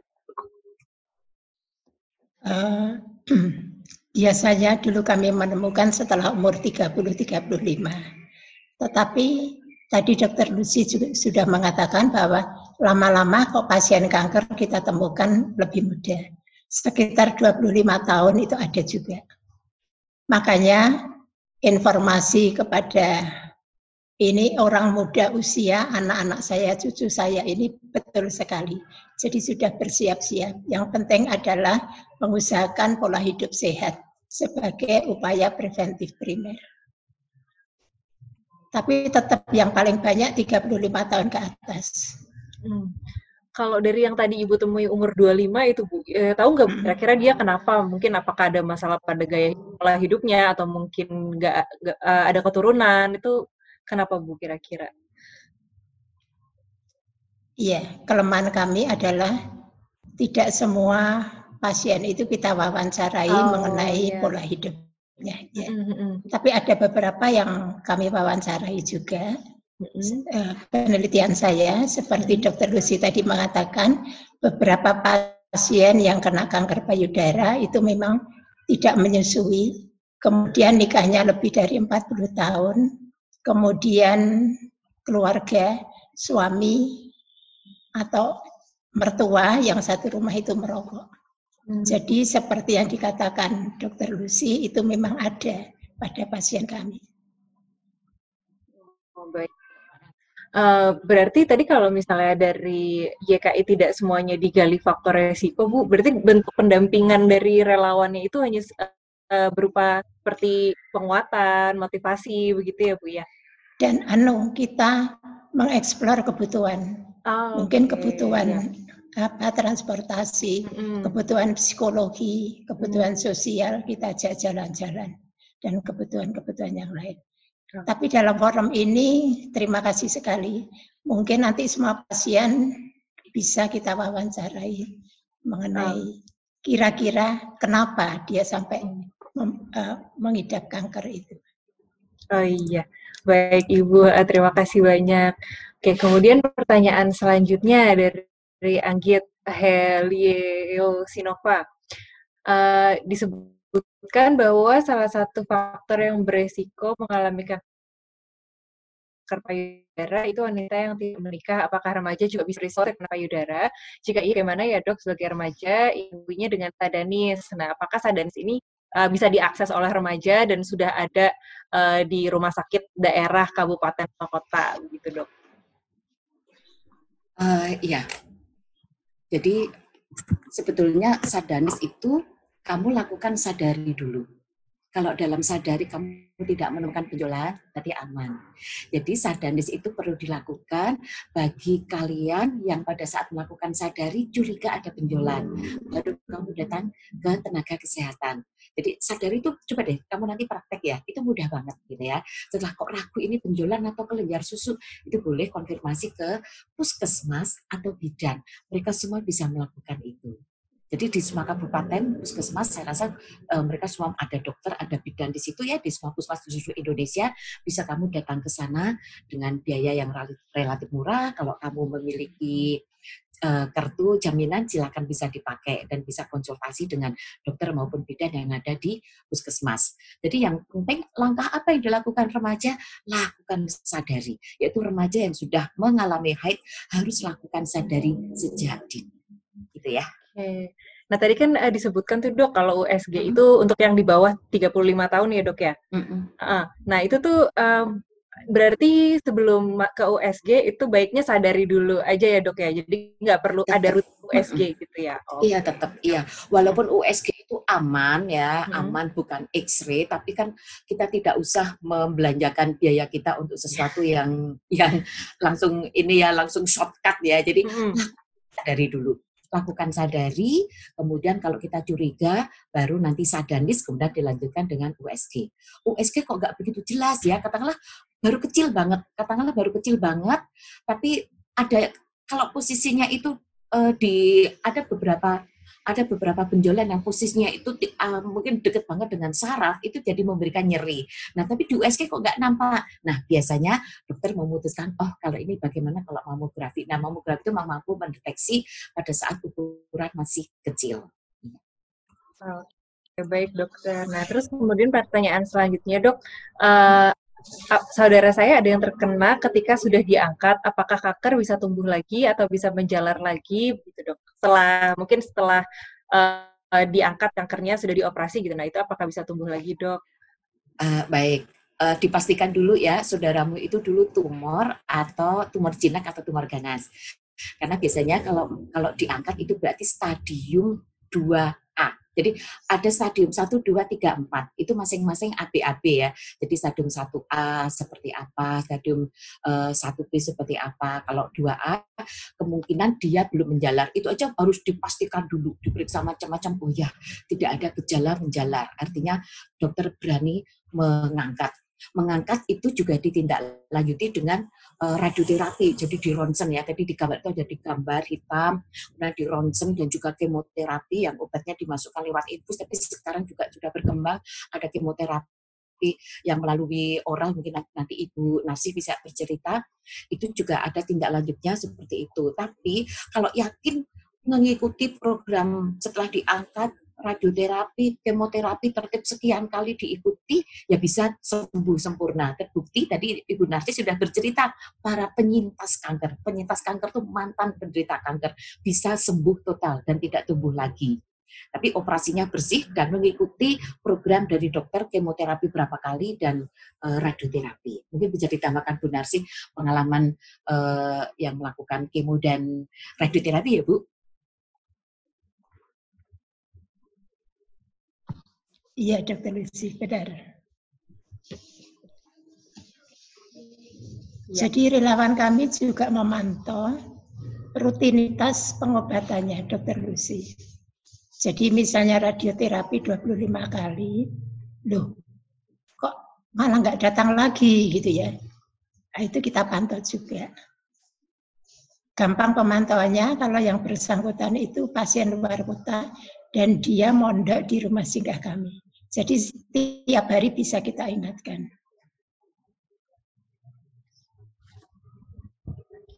Oke, baik. Gitu ya. Terima kasih Dokter Lucy, terima kasih Bu Sunarsi. Ini ada pertanyaan selanjutnya nih untuk Ibu Sunarsi. Uh, Ibu ada tidak remaja yang terkena kanker payudara atau mungkin uh, pasien yang terkena payudara ya Bu nggak terbatas remaja itu kemudian menjadi minder karena stigma masyarakat dan efek media kecantikan perempuan itu di fisik. Kemudian pendampingan seperti apa Bu yang sebaiknya diberikan? Ya, yeah. kebetulan YKI belum pernah apa menemui kanker payudara pada remaja. Tapi usia muda sudah nikahi ya. Ya eh, tergantung kebutuhan pasien. Jadi kebutuhannya apa? Apa kebutuhan psikologi? Nanti kita ajak seorang psikolog yang mendampingi. Atau kebutuhan sosial, dia nggak mau keluar. Atau kebutuhan apa? Transportasi untuk pengobatannya. Jadi semua yang kita ceritakan tadi kita berikan sesuai dengan kebutuhan. Ada eh, pada penelitian saya ada seseorang usia 30 tahun lebih tidak mau dioperasi payudaranya karena merasa itu adalah barang berharga. Jadi kalau operasi yang lain saya mau, tapi kalau payudara saya nggak mau itu terus kita dekati oleh tim relawan, akhirnya dia mau. Dia mau operasi, tetapi ada kendala yang lain. Antrenya di Sarjito panjang sekali. Jadi banyak kendala-kendala yang mestinya relawan juga tahu kendala masing-masing pasien berbeda-beda. Dan kita dimotivasi, kita dampingi sesuai dengan kebutuhan. Ya. Oke, baik. Nah, kemudian untuk pertanyaan selanjutnya ya, itu dari Vanessa Novia, uh, dokter, untuk dokter Lucy, dari yang saya tahu kan salah satu penyebab kanker payudara ini ada perubahan sifat genetik. Kira-kira yang mempengaruhi perubahannya sifat genetik itu apa, dok? Kalau genetik itu memang susah untuk diubah, karena sudah dari sononya ya. Hanya satu saja, dengan gaya hidup yang sehat. Itu saja kalau kita itu misalnya saya, ibu saya itu diabetes, ya sudah, berarti saya itu sudah tidak boleh ma makan minum manis yang terlalu banyak. Jadi perilaku kita yang kita kita kita atur gitu. Karena genetik itu ya sudah saya itu udah turunan. Ibu saya itu uh, diabetes berarti saya harus menerima. Demikian juga misalnya uh, kalian uh, ibu ibu bude bule misalnya ada yang kanker payudara ya sudah tidak bisa diubah genetik kita. Tapi kita sedih udah berarti aku sekarang harus makan yang sehat rajin olahraga hindari polusi hindari asap rokok. Nah demikian. Jadi yang bisa bisa mengatur adalah diri kita yang menyesuaikan dengan kondisi genetik yang sudah diberikan oleh Tuhan. Itu ya Oke, baik. Nah, ini dari teman-teman mungkin ada yang mau bertanya lagi. Silakan sambil menunggu pertanyaan dari teman-teman, mungkin uh, saya juga mau nanya dulu ke dokter Lusini dok. Jadi uh, tadi kan disebutkan tuh dok, uh, kalau misalnya kita pas sadari, kita juga me, apa memencet bagian sekitar puting, uh, kemudian uh, kalau misalnya ada cairan, itu berarti uh, kita harus waspada ya dok. Nah tapi sedang ada juga kondisi kan ya dok, di mana ada cairan beberapa perempuan alami, saya juga pernah dikonsultasiin sama teman saya, uh, perempuan itu asinya keluar padahal dia tidak menikah dan belum punya anak gitu. Itu, uh, namanya kalau nggak salah galaktorea ya dok ya. Uh, nah itu cara membedakan cairan uh, kanker dengan cairan galaktorea itu seperti apa sih dok? Oke. Okay kasusnya memang jarang ya galakturia tapi hmm, ada jarang. gitu ya.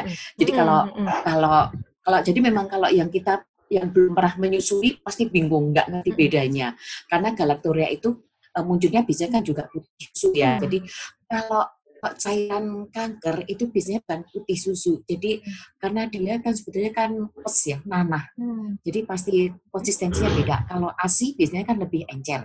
Kalau ini nanah itu pasti kental. Kental dan yang pasti bau. Hmm. Bau itu yang kadang tidak bisa tidak bisa kita kita bohongi ya. Hmm. Cairannya tapi kalau keluar mantranya itu kuning tapi bercampur darah. Jadi nanti kalau nanah itu biasanya kalau katanya sudah besar gitu ya. Kalau Bu Narjih pasti banyak pengalaman pada saat mengunjungi atau yang tinggal di pondokan bau CA itu sangat-sangat khas itu ya Ibu. Jadi kalau untuk yeah. yang mengalami galaktoria atau ini uh, eh, CA harus di di ini harus di mix sama apakah dia menemukan benjolan. Kalau tidak ada benjolan, berarti memang dia galakturia murni. Tapi kalau ada benjolan, wah ini harus ditindaklanjuti dengan sadanis USG atau mungkin kalau perlu mamografi. Oh, gitu dokternya. Oke, okay, baik. Makasih banyak dokter. Nah, kemudian ada pertanyaan Di tempat singgah kami, ya, gimana Bu? Di tempat singgah kami memang ada beberapa yang bau dan itu kita sendirikan, Mbak. Jadi hmm. ada kamar isolasi untuk pasien yang bau seperti itu. Ada memang. Hmm. Oh, berarti di rumah singgah YKI itu juga ada ruang perawatan ya, Bu ya? Bukan perawatan. Jadi tempat singgah selama pasien menunggu operasi atau menunggu oh. pengobatan. Kalau radioterapi misalnya 25 kali itu kan setiap hari. Mm -hmm. Nah, itu wirawiri daripada dia pulang rumahnya jauh. Mm -hmm. Terus si komodo di YKI. Jadi itu kira-kira ya jalan 20 menit dekat oh. dekat kami. Ya. Iya, iya, iya, iya. Oh, baik. Ibu, terima kasih banyak atas informasi tambahnya. Nah, kemudian untuk ada pertanyaan selanjutnya nih, dokter, apakah benjolan kanker payudara bisa muncul di ketiak saat menstruasi?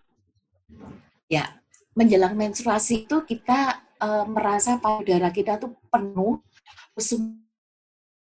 berasa bengkak. Jadi makanya sadari itu dilakukan di Jadi sebetulnya ya benjolan itu ada, cuma kadang kita itu kita tekan sakit karena kita pada saat sadari itu penekanannya lembut tapi mantap sih pada saat payudara kita melunak itu tadi.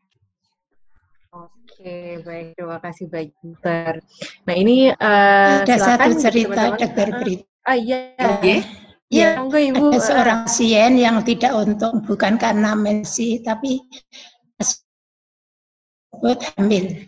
Hmm. Dia mengatakan oh rapopo, oh, iya hamil. Kemudian setelah melahirkan menyusui, benjolan tersebut masih. Oh ini enggak apa-apa, ini karena saya menyusui. Tapi ternyata memang benjolan itu CA, kasih sebenarnya sampai berobat, berobat medis itu hampir sebulan sampai kira-kira setahun lebih baru ketahuan bahwa itu kanker. Hmm. Jadi tidak untung nasibnya. Iya. Untuk itu sebelum menikah harus lakukan sadari memastikan bahwa kita itu tidak punya benjolan ya. Iya. Jadi seandainya Betul. harus dioperasi ya sebelum sebelum nanti hamil, sebelum menikah Hamil. jadi semuanya sudah bersih. Kalau masih kecil itu masih stadium 1A oh, itu dioperasi bisa bersih dan bisa sembuh sempurna. Hmm, pasien makanya- ini tadi sudah anak ketiga dokter. Oh, Jadi kasihan sekali. muncul iya betul Oh. iya iya kasihan Iya. sekali. Oh. Berarti memang penting sekali ya dari remaja ini sudah mulai menggalakkan nih sadari gitu. Kita lakukan yuk teman-teman setiap bulan ya sadari. Oke, Tidak hanya mengerti dokter Hmm. Berita. tapi melakukan. ya. Heeh. Ah. Mengerti dan melakukan. Iya. Heeh. Nah, kemudian eh, saya juga mau bertanya nih Bu kepada Ibu Sunarsi, I- Kak, sebenarnya untuk menjadi relawan di YKI itu ada batasan usia nggak sih Bu atau minimal usia gitu? Nih kalau misalnya ada teman-teman remaja yang ingin terlibat di Yayasan YKI sebagai relawan gitu misalnya, itu apakah bisa Bu? Oh bisa banget. Hmm. Minimal pendidikannya SMA. Kemudian nanti mengikuti pelatihan selama dua hari. Hmm. Relawan kami ada yang mahasiswa, ada yang ibu rumah tangga, ada yang pejabat dan sebagainya. Macam-macam. Tapi terkadang kami kehilangan beberapa relawan. Kalau remaja atau sekolah atau mahasiswa, dia keterima di Jakarta sudah hilang. Ah, Kemudian dia nikah, ikut suami hilang, ada beberapa. Tapi kami tetap beruntung. Pasti relawan tersebut akan berbuat sesuatu di tempat yang baru. hmm. Jadi kami merasa tidak kehilangan, tetap memberikan apa modal bagi yang bersangkutan untuk berbuat sesuatu di tempatnya. Mari silakan. Oke, baik. Ya, teman-teman ya, kalau misalnya ada yang mau ikut terlibat, eh, mendampingi eh, pasien-pasien dengan kanker payudara melalui YKI, itu sangat terbuka sekali ya, Bu ya, eh, Terbuka, untuk ya. teman-teman remaja. Oke, baik. Pertama kali saya undang dulu, Mm-mm, lihat YKI itu seperti apa. mm-mm. Ada pasien yang mondok di sini. Kalau Ah. boleh saya titipkan pada para peserta, Dokter Mm-mm. Berita, Iya. apabila para peserta melihat kiri kanan atau saudara ada yang sebagai pasien kanker tidak mau berobat medis, tolong walaupun belum relawan, Mm-mm. tetapi tetap apa kita beri motivasi. Karena apa? Mereka yang ke alternatif itu tidak mesti murah. Ada yang sekali 3 juta. Penelitian kami ada yang enam bulan itu sampai menghabiskan 85 juta untuk alternatif. Ada yang penyakitnya ditarik, dipindah ke kambing, ada yang dipindah ke sapi. Nah, harga sapi sudah berapa? Harga kambing sudah berapa? Kemudian ada yang kanker payudara. Dia seorang berpendidikan, seorang yang punya uang, ditempeli lintah. Tahu lintah ya? Ada lintah tiga ditempelkan dengan harapan apa kankernya bisa disedot lintah tersebut. Setelah lintahnya ginuk-ginuk, kan terlepas. Pasiennya terus menjerit-jerit. Akhirnya juga ya dioperasi. Itu Hmm. banyak sekali cerita itu. Monggo para peserta kalau melihat seperti tolong dimotivasi. Kalau memang belum berhasil, bisa menghubungi kami. Gitu dokter Berita. Oke, Ibu. Ya, terima kasih banget sharingnya tuh ya, teman-teman. Jadi, uh, peran kita di sini bukan cuma sebagai pendengar atau me- mengerti aja nih uh, ilmu-ilmu yang disampaikan, tapi juga kita bisa memberi manfaat kepada sekitar kita ya. Jadi, dengan uh, materi hari ini itu uh, kita uh, bisa misalnya melihat ada uh, orang yang dekat dengan kita mengalami kanker payudara, mengalami permasalahan uh, kanker payudara, itu bisa kita motivasi untuk mencari pertolongan medis daripada misalnya ke alternatif atau mencari jalan-jalan yang lain gitu itu akan sangat baik apabila kita juga berperan serta dalam um, memotivasi uh, pasien-pasien kanker payudara begitu Satu lagi dokter Berita. Satu lagi ya. Iya. Jadi pengalaman yang lalu ada beberapa kelompok mahasiswa. Yang pertama mengadakan penyuluhan di lingkungan kampus. Ada beberapa kampus. Kemudian yang kedua ada temannya yang sakit kanker itu terus apa mengumpulkan dana. Dananya juga tidak tidak kecil karena dosen-dosen dan karyawan juga dimintai dana luar biasa sampai merinding Wah, saya hebat ya. bisa berarti berbuat sesuatu ya Memang banyak yang bisa kita lakukan ya teman-teman ya. Iya. Oke, nah ini mungkin sekarang pertanyaan terakhir, ini pernyataan terakhir untuk Dokter Lucy. Dok izin bertanya, benarkah deodoran yang bukan antiperspiran dapat menyebabkan kanker payudara?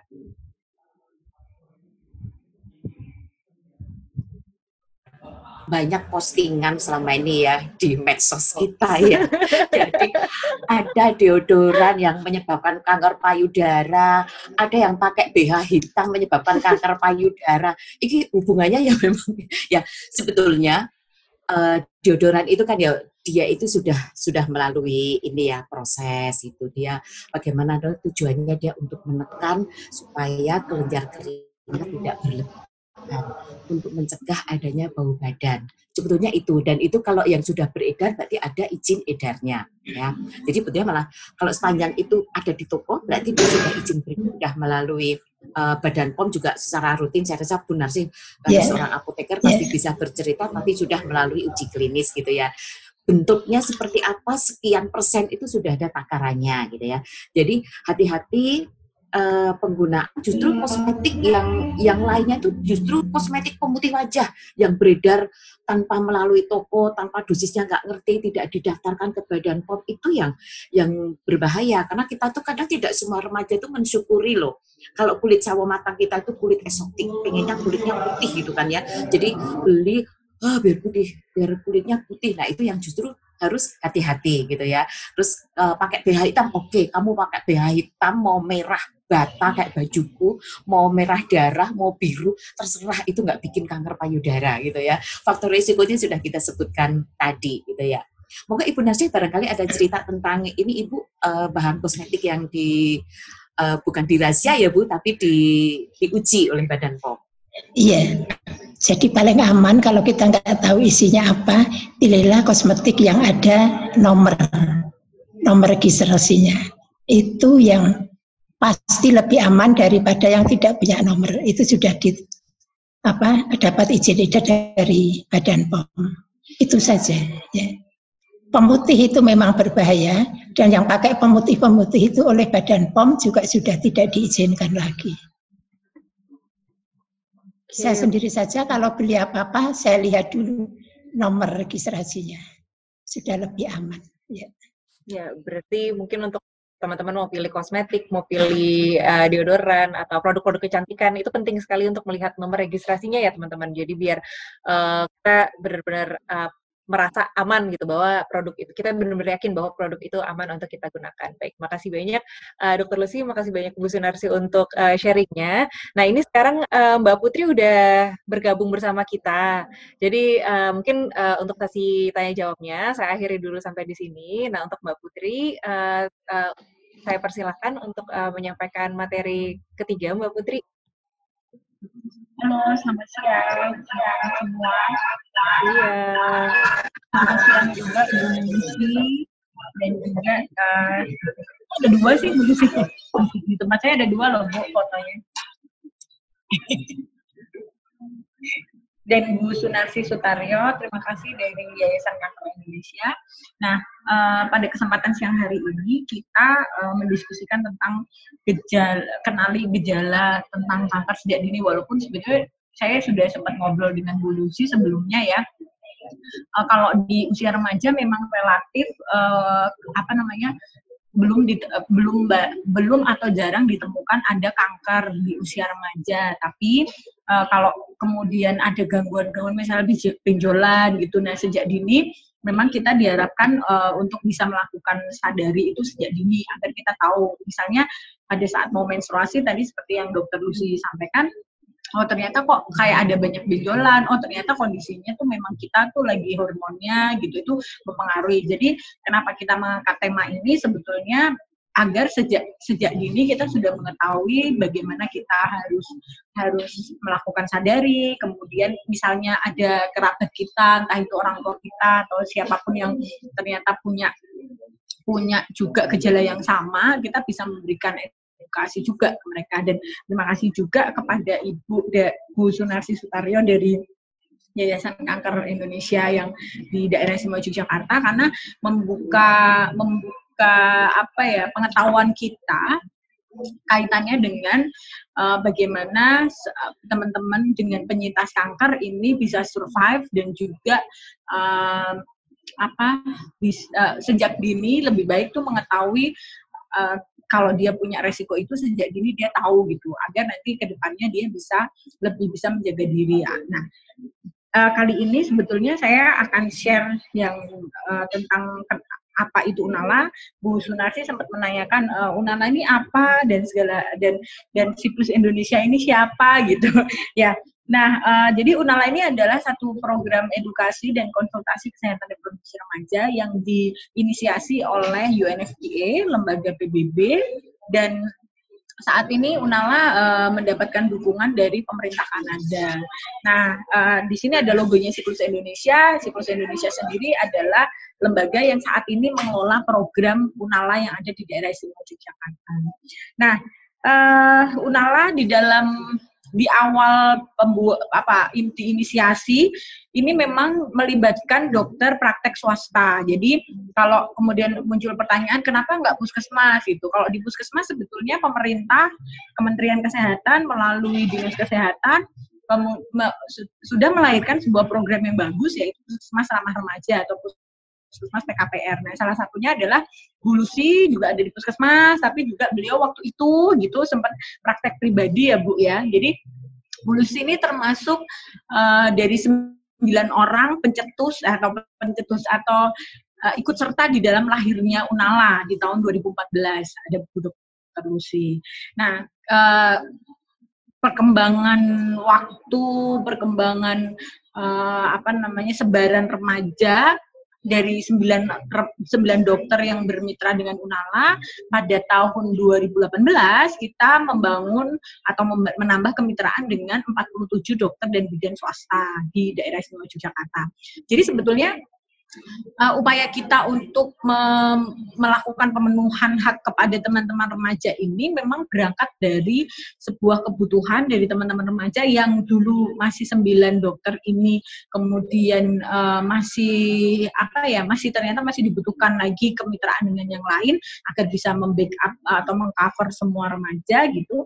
Kemudian kita menambah jumlah uh, dokter dan bidan yang bermitra dengan Imam Nah, uh, konsep yang dibangun adalah konsep youth friendly services. Salah satunya adalah dokter yang ramah. Coba teman-teman kalau misalnya sudah ketemu dengan dokter Lucy di uh, apa Zoom meeting ini, sudah bisa membayangkan kalau misalnya kalian bisa konsultasi langsung dengan Lucy. Jadi itu yang kita harapkan uh, dokter menjadi sahabatnya remaja, menjadi temannya remaja, nggak judgmental, nggak tidak apa ya, tidak membeda-bedakan dilakukan gitu.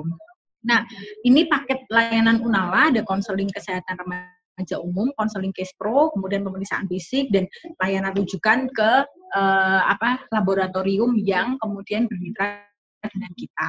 Nah, foto-foto yang ada di sini ini adalah foto-foto volunteer Unala dengan dokter Unala. Jadi memang bukan uh, klien Unala yang sengaja kita foto untuk kita publikasikan itu bukan ini adalah materi-materi yang kita angkat di dalam proses edukasi yang kita lakukan. Jadi kesehatan reproduksi, seksualitas, gender, hubungan dengan orang lain, dan juga kekerasan seksual. Jadi kalau teman-teman amati dari sekian uh, konten yang kita kita apa gunakan untuk edukasi itu mengacu pada uh, lima tema ini. Dan juga COVID-19 ini menjadi satu tambahan tema selama kita pandemi COVID-19 ini adalah inovasi-inovasi yang Unala lakukan pasca pandemi COVID-19. Jadi kalau dulu bisa ketemu langsung di sekolah, di komunitas, tapi pasca itu kita harus tetap melakukan edukasi dengan cara berpindah ke digital. Salah satunya adalah live Instagram, podcast Unala, dan juga uh, diskusi via Zoom seperti yang kita lakukan pada kesempatan siang hari ini. Ini Instagram, Twitter, Facebook, website Unala, silahkan di follow. Akan ada banyak informasi. Nanti Anggita akan share juga.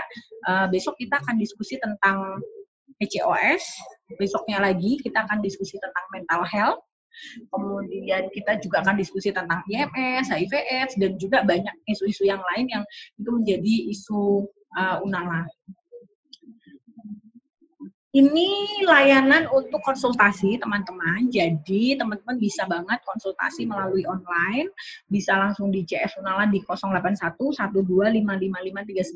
atau bisa DM Instagram, Facebook, Twitter, dan uh, bisa buka website Unala di www.unala.net. Nanti teman-teman kalau pengen tahu jadwal dokter, siapa aja dokternya, kemudian uh, prakteknya di mana, kalian buka aja websitenya di www.unala.net.